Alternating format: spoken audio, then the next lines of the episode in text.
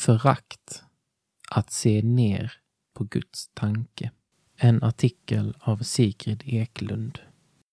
Förakt är ett ord som nämns många gånger i Bibeln. Bibeln talar om förakt mot Gud, varandra, församlingen, barn, föräldrar och oss själva. Men vad är det egentligen? Förakt kan beskrivas som att se ner på någon, att räkna denne för mindre värd.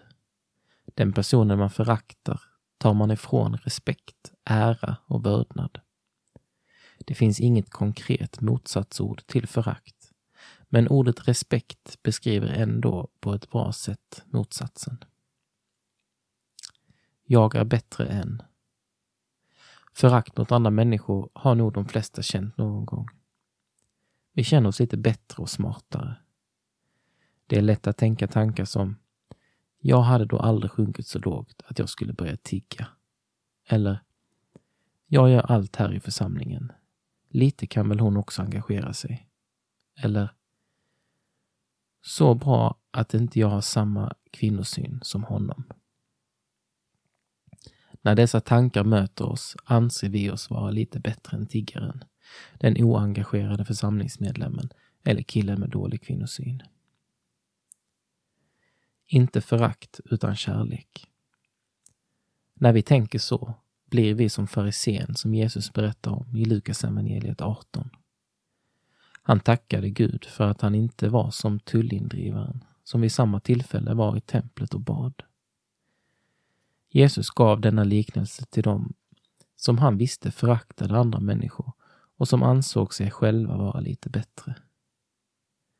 Istället för att förakta och döma så mötte Jesus människor i nöd med kärlek och respekt. Är vi verkligen oroade för tiggaren?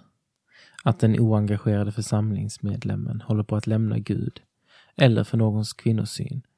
Ska vi istället hjälpa dessa och möta dem med den kärlek Jesus vill ge?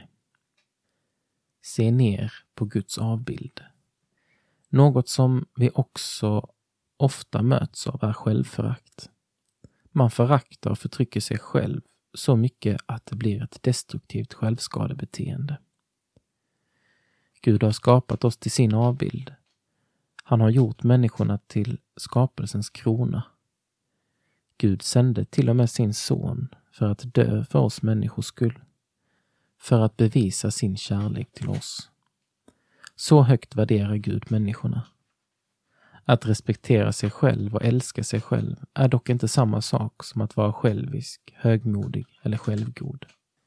Istället är det att respektera den människa som Gud har skapat en till att vara.